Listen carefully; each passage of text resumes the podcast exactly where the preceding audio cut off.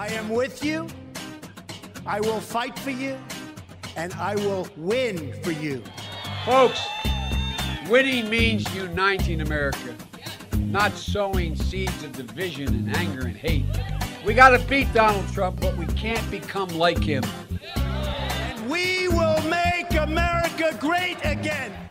Niet Joe Biden is de ster van de volgende Amerikaanse regering, maar Kamala Harris, de eerste vrouw als vicepresident. Gaat zij het presidentschap van Biden vormgeven? En waar staat zij eigenlijk voor? Welkom bij de Holland-Amerika-lijn. Mijn naam is Victor Pak en aan de andere kant zit zoals gebruikelijk Amerika-correspondent Emiel Kossen. Hi Victor. Hi. Deze week staat op Elswier Weekblad, of op EW, zoals wij per 1 december gaan heten, een cover met een grote foto van Kamala Harris. En daarbij staat de tekst Chameleon Kamala. Dat hoort bij een verhaal dat jij hebt geschreven en deze week dus in de winkels ligt. Waarom is zij een chameleon? Kamala is de, de eerste ehm, zwarte vrouw die, uh, die het tot vicepresident heeft geschopt. Er is natuurlijk een hele hoop aandacht voor geweest uh, de afgelopen weken. Misschien nog wel meer aandacht voor dat feit dan voor het feit dat uh, Joe Biden de volgende president van Amerika wordt. Um, maar ze is echt een chameleon. ze heeft ouders, haar moeder kwam uit India, haar vader kwam uit Jamaica. Um, ze heeft zelf nog gewoond in Canada als, als tiener. Um, en ze is natuurlijk Amerikaan, voelt zichzelf een zwarte Amerikaan na haar tijd aan een zwarte universiteit hier in Washington. En um, dus kan je zeggen dat haar achtergrond echt een chameleon, een chameleon-achtergrond is. En die gebruikt ze ook als politicus. de afgelopen verkiezingen was ze heel populair bij allerlei minderheden die, ja, die, die, een deel van haar in zichzelf terugzagen. Ze heeft eigenlijk ook nog eens een soort bliksemcarrière doorlopen als politicus. Maar voor we daarbij bij stilstaan, haar levensloop, hoe zien haar jonge jaren eruit? Nou, Harris is geboren in Oakland uh, in de staat Californië, vlakbij San Francisco. En is dus het kind van, um, uh, van twee immigranten, India en Jamaica. Dat waren zeer succesvolle immigranten. moeder Shamala werd een, een, onderzoeker naar borstkanker. Donald, de vader, werd een hoogleraar economie aan, aan Stanford. Um, Harris heeft een lichtbruine huidskleur, een afro-kapsel als kind. Uh, maar goed op in een blanke, uh, blanke wereld. Elke dag werd ze uh, per bus naar een, een, een, rijke blanke buurt in Berkeley gebracht om daar naar school te gaan. Haar moeder die probeerde dat nog wel een beetje tegen te werken, die blanke wereld. ze gaf haar de naam Kamala, niet voor niets. dat betekent lotusbloem in het, in het Sanskriet. En um, ze stond erop dat Kamala een x-aantal keer als, als kind naar India zou afreizen om, om haar familieleden daar te ontmoeten. Een belangrijk moment in haar leven uh, was toen ze zeven was, uh, toen haar ouders scheiden. Um, haar moeder uh, nam de opvoeding van de kinderen op zich en nam ze meteen mee naar Canada, waar zij een, een, goede baan vond als, als kankeronderzoeker. Um, Kamala die zat er eigenlijk niet op te wachten, wilde helemaal niet verhuizen van Californië naar het, het koude Montreal. moest daar Frans leren, was daar niet zo goed in. Um, en uh, het moment dat ze, uh, dat ze klaar was met de middelbare school daar, uh, vertrok ze ook zo snel mogelijk weer naar Amerika. ze ging naar Howard University. Dat is een prestigieuze zwarte school hier in Washington. Dat klinkt misschien vreemd, een zwarte school. dat is in Amerika een vrij een normaal fenomeen. Dat komt nog uit de segregatie van, de, van tot de jaren 60. Howard is een goede school, een prestigieuze school. Er zit een hele hoop geld in. En um, Kamala zag dat als een manier om haar Um, ja, om haar eigen identiteit te vinden als zwarte Amerikaan. En um, ja, leren daar in elk geval een hoop Afro-Amerikanen uh, kennen. Daar ontwikkelt ze dus haar identiteit als zwarte vrouw. Begint ook haar politieke bewustzijn op die universiteit? Ze zegt dat dat al veel eerder gebeurde, uh, omdat haar beide ouders dus een donkere huidskleur hebben. Um, zij liepen mee in, uh, in, in civil rights protesten in de jaren 60 en 70. En Kamala zegt dat ze daar als kind iets van meekreeg. Dus haar politieke bewustzijn begon eigenlijk al als kind dankzij haar ouders die meeliepen met de burgerrechtenbeweging.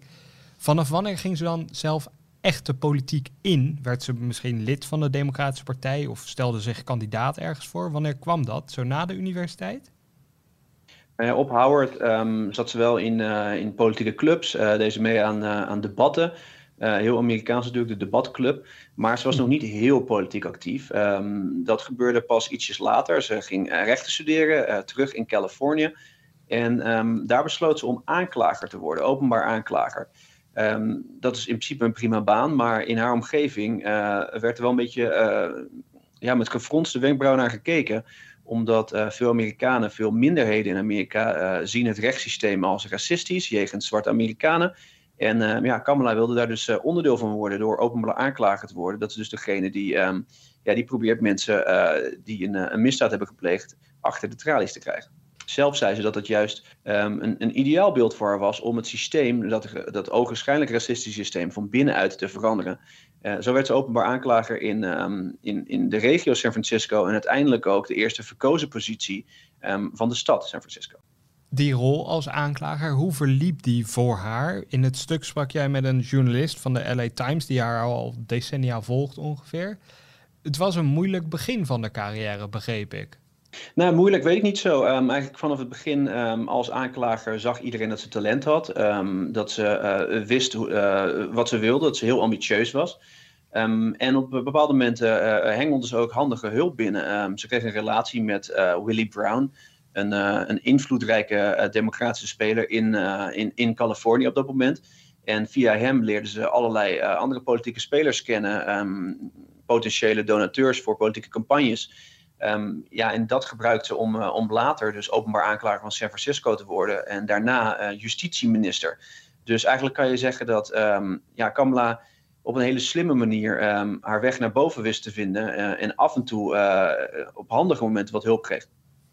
Ik zei moeilijk begin omdat ze natuurlijk wel als vrouw van kleur in die positie terecht kwam, waar ze wat kritiek op kreeg van de mensen om haar heen. Die kritiek is nooit helemaal verstomd hè, over haar werk als aanklager en later minister van Justitie in Californië. Hoe zit dat precies?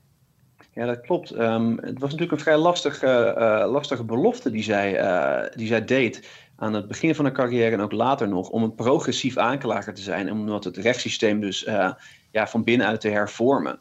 Um, ja, ze heeft wel een aantal dingen gedaan gedurende haar carrière om die belofte te houden. Um, zo zorgde ze er bijvoorbeeld voor dat mensen die voor het eerst voor een misdaad werden veroordeeld, vrij makkelijk een, een opleidingstraject konden volgen. Om, ja, om, dat, om een soort van tweede kans te geven aan die mensen. Maar op, uh, op veel andere punten was ze eigenlijk helemaal niet zo progressief. ze zetten meer Afro-Amerikanen um, achter de tralies dan haar voorgangers bijvoorbeeld. ze was tegen het legaliseren van, van wiet, van marihuana. Wat nou juist een van de redenen is, het bezit daarvan. waarom veel zwarte Amerikanen nog steeds vastzitten in Amerikaanse gevangenissen. Um, en ja, na haar periode, eigenlijk na haar jaren als aanklager en zelfs na haar jaren als justitieminister, waren uh, politiebonden blijer met haar dan, dan veel van de minderheden waar, waarvan had beloofd een stem voor ze te zijn. En om wat context te schetsen, zij werd minister van Justitie in 2011. Dat is slechts negen jaar geleden. President Obama was al president. Er was een hoop te doen om het grote aantal zwarte Amerikanen dat in de gevangenis zat, ook in Californië.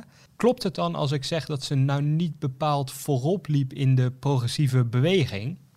Ja, dat klopt. Uh, en dat is dus vooral te zien uh, op het vlak van politie. Um, daar hebben we het nu natuurlijk een hele hoop over. Um, met uh, de Black Lives Matter beweging die de politie ja, het geld daar wil weghalen.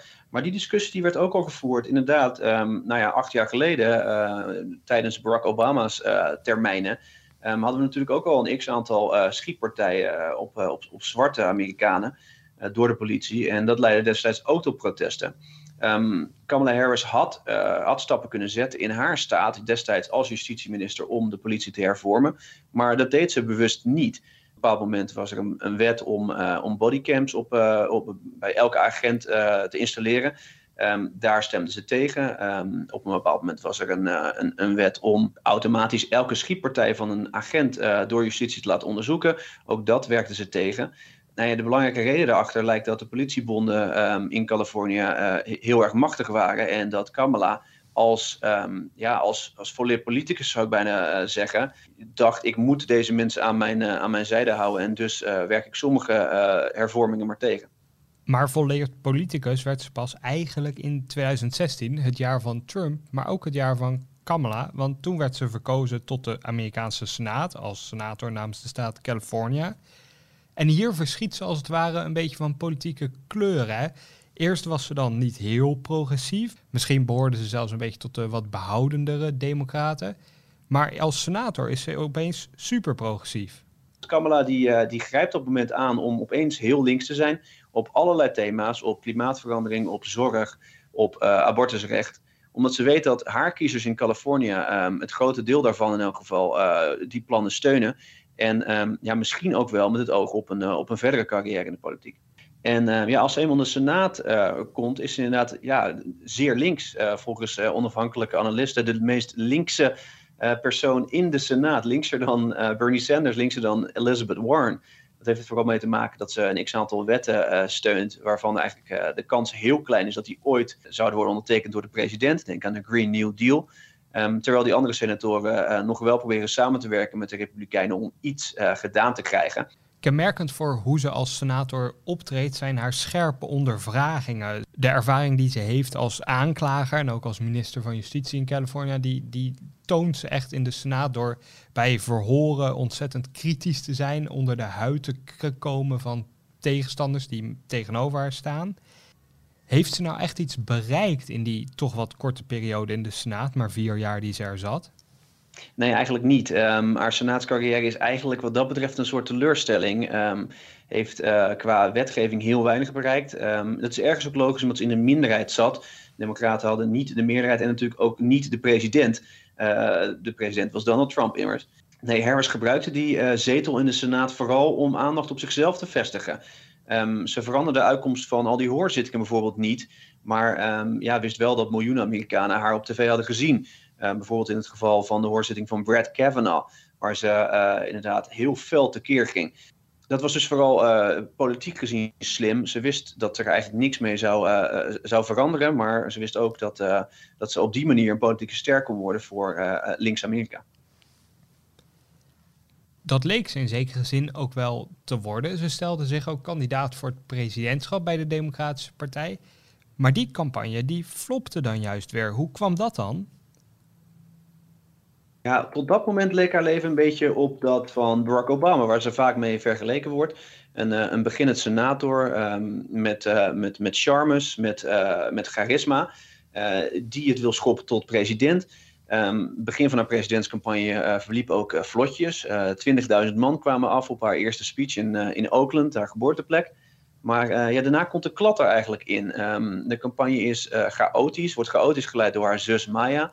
En eigenlijk niemand, Kamala in Kluis, weet precies wat hun boodschap is, wat hun campagneboodschap is.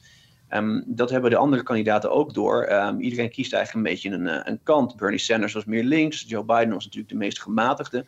Um, en uh, Kamala Harris' campagne, die, ja, die ging de ene week uh, zat hij meer aan de zijde van Sanders, en de andere week meer aan de zijde van Biden. dat werkte niet. En, en dus moest Kamala zich, toen ook nog eens het geld op, op begon te raken, zich, zich terugtrekken. En dat deed ze nog voordat de eerste voorverkiezingen überhaupt waren begonnen. In haar campagne zagen we dus allerlei soorten politieke meningen. Hoe sprak ze uiteindelijk over dat verlies?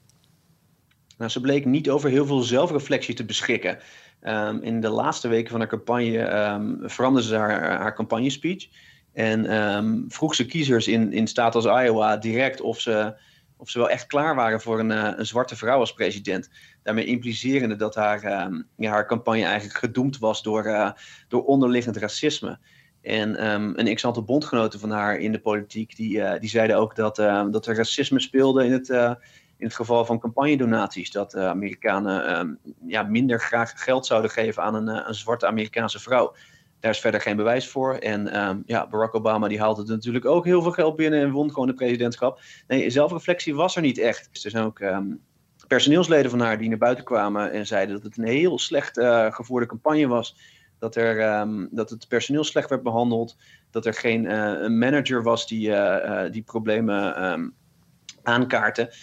Dat had ook veel te maken met het feit dat haar zus eigenlijk de baas van de campagne was. Ja, het nepotisme uh, zorgde voor frustratie bij sommige werknemers die uh, fouten van Maya, uh, die zus, niet konden benoemen. en fouten van Kamala misschien ook niet. Het was net een lastige situatie. Maar uiteindelijk kwam Biden wel bij haar terecht als vicepresidentskandidaat. En toen bleek er toch wel heel veel enthousiasme over Harris te zijn. De dag nadat Biden bekend maakte dat Harris zijn vicepresidentskandidaat was, kwam er ontzettend veel geld richting de campagne van Biden en Harris. Records werden gebroken. Hoe verklaar je dat dan eigenlijk? Ja, het is uh, een, een, een interessante samenloop van omstandigheden. Um, inderdaad, Harris ging in een paar maanden tijd van um, ja, kansloze verliezer uh, bij de presidentsverkiezingen tot ja, inspiratie van het land, hoop van het land zou je bijna kunnen zeggen. Um, dat heeft natuurlijk een hoop te maken met wat er in het begin van dit jaar gebeurde. tot en met de zomer, tot en met nu zelfs. de grote Black Lives Matter protesten na de dood van George Floyd in, in Minneapolis. Die werd gedood door een politieagent. Ja, er is gewoon heel veel aandacht voor uh, de situatie van zwarte Amerikanen op dit moment. En Kamala Harris, met haar huidskleur, heeft daar een hele interessante rol in te spelen. En ook nog eens met haar achtergrond uh, als openbaar aanklager. En dus met kennis en kunde over um, het politiekorps. ja, werd zij voor Biden de ideale kandidaat om te kiezen. Vooral ook nog omdat Biden uh, ja, een, een oude blanke man is. wat het contrast met, met Kamala, een jonge zwarte vrouw, alleen maar groter maakt. Hoe positioneert zij zich nu eigenlijk en de afgelopen campagne? Ja, ze heeft zichzelf weer uh, naar het midden gemanoeuvreerd. Um, dat is eigenlijk logisch, omdat Joe Biden de meest gematigde kandidaat was die de Democraten uh, hadden. En um, ja, ze staat natuurlijk achter hem. ze is de vicepresident, dus Joe Biden die, die leidt en zij volgt. Um, ze heeft het vooral veel over, over raciale ongelijkheid en inderdaad politiehervormingen. Die zullen niet zo, zo radicaal zijn als, als sommige progressieve Amerikanen willen. Defunding the police zal door deze administratie, door deze regering niet gebeuren. Maar um, ja, ze gaat zich wel over die thema's buigen en proberen compromissen te sluiten in, in, in de Senaat. Een voorproefje van waar Harris zich voor gaat hardmaken als vicepresident kregen we al te horen toen ze haar overwinningstoespraak hield. Laten we er even naar luisteren. Because now is when the real work begins. the essential work to save lives and beat this epidemic, to rebuild our economy so it works for working people, to root out systemic racism in our justice system and society. Om dit soort zaken voor elkaar te krijgen heb je uiteindelijk wel macht nodig. En één vraag die er altijd rond een vice-president hangt is: hoeveel macht hebben ze nou eigenlijk? Ja, het ligt dus heel erg aan de, aan, aan de baas eigenlijk. Um, de president die um, heeft de macht om um, allerlei portefeuilles te geven aan de vicepresident. Maar ja, dat hoeft niet te gebeuren. dus door de geschiedenis heen hebben we vicepresidenten gezien die helemaal geen macht hadden. maar er zijn ook vicepresidenten geweest die uh, de wereld rondreisden en allerlei wetsvoorstellen uh, probeerden door het congres te krijgen. en van Kamala wordt verwacht dat ze, dat ze vrij veel macht gaat krijgen. Joe Biden is 78 als hij het Witte Huis betreedt. Ziet zichzelf als een overgangspresident en wil, uh, wil de vicepresident echt klaarstomen voor het hoogste ambt. En dus kunnen we wel verwachten dat, um, dat ze een grote rol gaat spelen.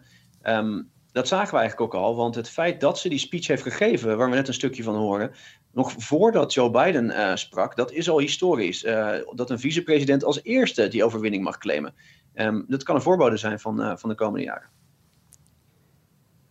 In die speech zetten ze zich ook neer als voorvechter van het feminisme. Laten we daar ook even naar luisteren. All the women who have worked to secure and protect the right to vote for over a century, 100 years ago with the 19th Amendment 55 years ago with the Voting Rights Act, and now in 2020 with a new generation of women in our country who cast their ballots and continued the fight for their fundamental right to vote and be heard. Als we nu verder vooruit kijken, wat verwacht jij dan dat ze gaat kunnen waarmaken van de verwachtingen die er nu om haar heen hangen? Aan de ene kant zijn die verwachtingen uh, wat vaag. Het is natuurlijk Joe Bidens presidentschap. Maar aan de andere kant zijn de verwachtingen van de eerste zwarte vrouw als vicepresident ook heel hoog. Zijn die niet te hoog, torenhoog eigenlijk?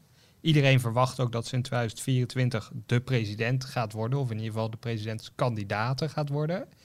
Is dat reëel om, om zoveel te verwachten van iemand die eigenlijk nog ja, zichzelf moet definiëren, die, die relatief weinig ervaring heeft, slechts vier jaar in de Senaat gezeten? Een president, Biden, die ontzettend veel ervaring heeft, gaat ze niet een beetje verbleken straks? Ja, het is, uh, het is geen makkelijke taak die haar staat te wachten. Um, de komende vier jaar moet ze iets gaan doen, maar we weten niet precies wat ze moet gaan doen om die verwachtingen, um, ja, die verwachtingen in te lossen eigenlijk. Uh, er is nu heel veel aandacht voor haar um, en dat, dat dat kan positief uitpakken als ze iets voor elkaar weten te krijgen. Maar wat ik net zei, ja, de rol van de vicepresident is niet duidelijk gedefinieerd. Dus het kan best even duren voordat ze überhaupt zich, ja, zich goed voelt in die positie. voordat ze daadwerkelijk ehm, aan het werk kan gaan. Zelf tempert ze de verwachtingen. Ehm, dat doet ze altijd als politicus. Um, ze is uiteindelijk een heel pragmatisch persoon. ze snapt het politieke systeem ze snapt het politieke systeem. Ze weet dat ze niet zomaar de wereld kan veranderen. En ehm, ja, daarom probeert ze dus nu al uh, te zeggen tegen de mensen: oh, oh, het is belangrijk dat ik als, uh, als, als zwarte vrouw uh, vicepresident ben, maar verwacht niet dat opeens alles anders is na dag één dat ik in het Witte Huis zit. Dat lijkt me wel reëel. en dat is natuurlijk een beetje de valstrik die Barack Obama ook meemaakte. Hope and change werd beloofd. En na acht jaar uh, waren toch heel veel Amerikanen uh, zeer teleurgesteld met uh, ja, de hoop en verandering die hij uiteindelijk heeft teweeggebracht. En dat moet um, ja, Kamala Harris als vicepresident zien te voorkomen. Pas dan heeft ze een kans om vier jaar later een serieuze gooi te doen naar het presidentschap. We gaan merken hoe Kamala het gaat doen in de administration van Biden. En dat is ook meteen onze nieuwe rubriek in deze podcast: de Biden administration. Wie zijn het?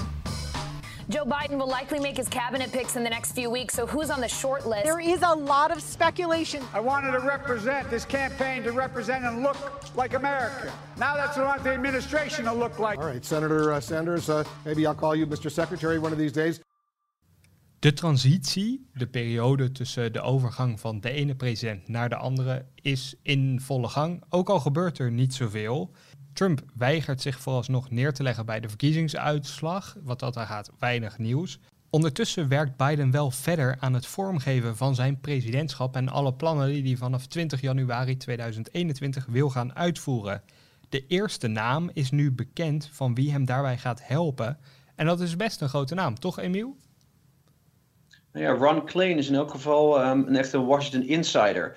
Um, hij wordt chief of staff. Um, en dat is op zich een, eh, een rol die hem goed past. Dat was hij al eerder van vicepresident Al Gore. Hij was het ook al van uh, vicepresident Joe Biden. Uh, kent hem al tientallen jaren. Um, en hij was ook nog eens in de tweede termijn van Barack Obama de baas van de ebola-aanpak. En dat is natuurlijk nu juist een, een sterktepunt. Want ja, de Biden-regering heeft die eerste taak op 20 januari natuurlijk al voor zich. Dat is het bestrijden van het, van het coronavirus. Een chief of staff is wel een term die we misschien even moeten uitleggen, of eigenlijk een functie die we moeten uitleggen. Volgens mensen in Amerika is de persoon ontzettend machtig, maar Nederlands equivalent ervan, die weet ik eigenlijk niet zo snel. Wat doet hij? Wat gaat hij doen? Ja, de chief of staff is uh, voor het publiek een vrij onzichtbaar figuur. Maar achter de schermen is hij inderdaad heel erg machtig. Um, eigenlijk een van de machtigste plekken in het Witte Huis.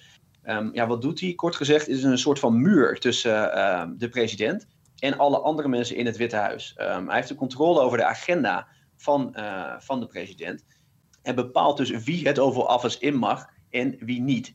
En dat is zeer invloedrijk. Uh, dat is door de jaren heen gebleken. En ja, Ron Klain die, die wordt dus de man die, die die toegang bepaalt naar Joe Biden. Klain is een soort swampfiguur. Zo zou Trump hem volgens mij omschrijven. Hij heeft een ontzettend lange carrière in Washington DC, zonder dat hij bekend is bij het grote publiek. Jij zei al dat hij verantwoordelijk was geweest voor de aanpak van de verspreiding van het ebola-virus toen Obama nog president was. Is hij daarom uitgekozen?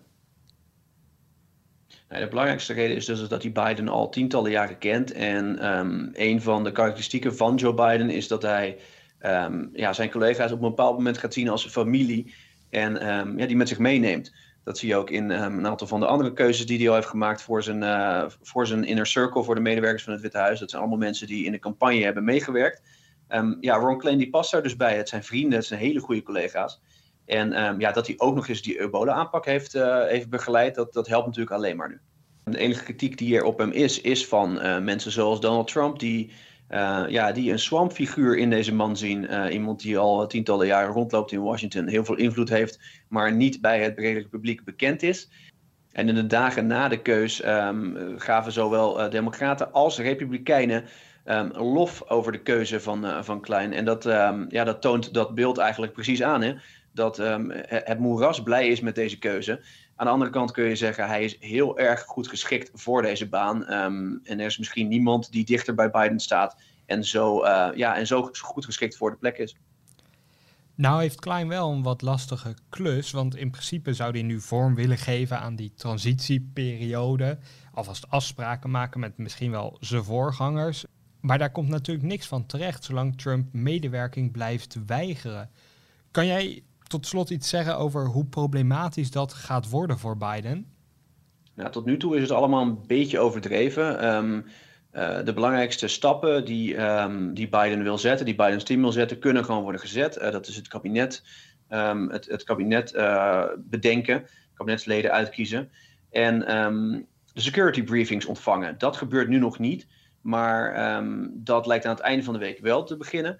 En dat zijn eigenlijk de belangrijkste dingen die een inkomende president wil doen. Um, daarna willen ze natuurlijk uh, die kantoorruimtes in Washington bijvoorbeeld krijgen om al mensen neer te zetten, om alvast te werken aan, uh, aan de plannen.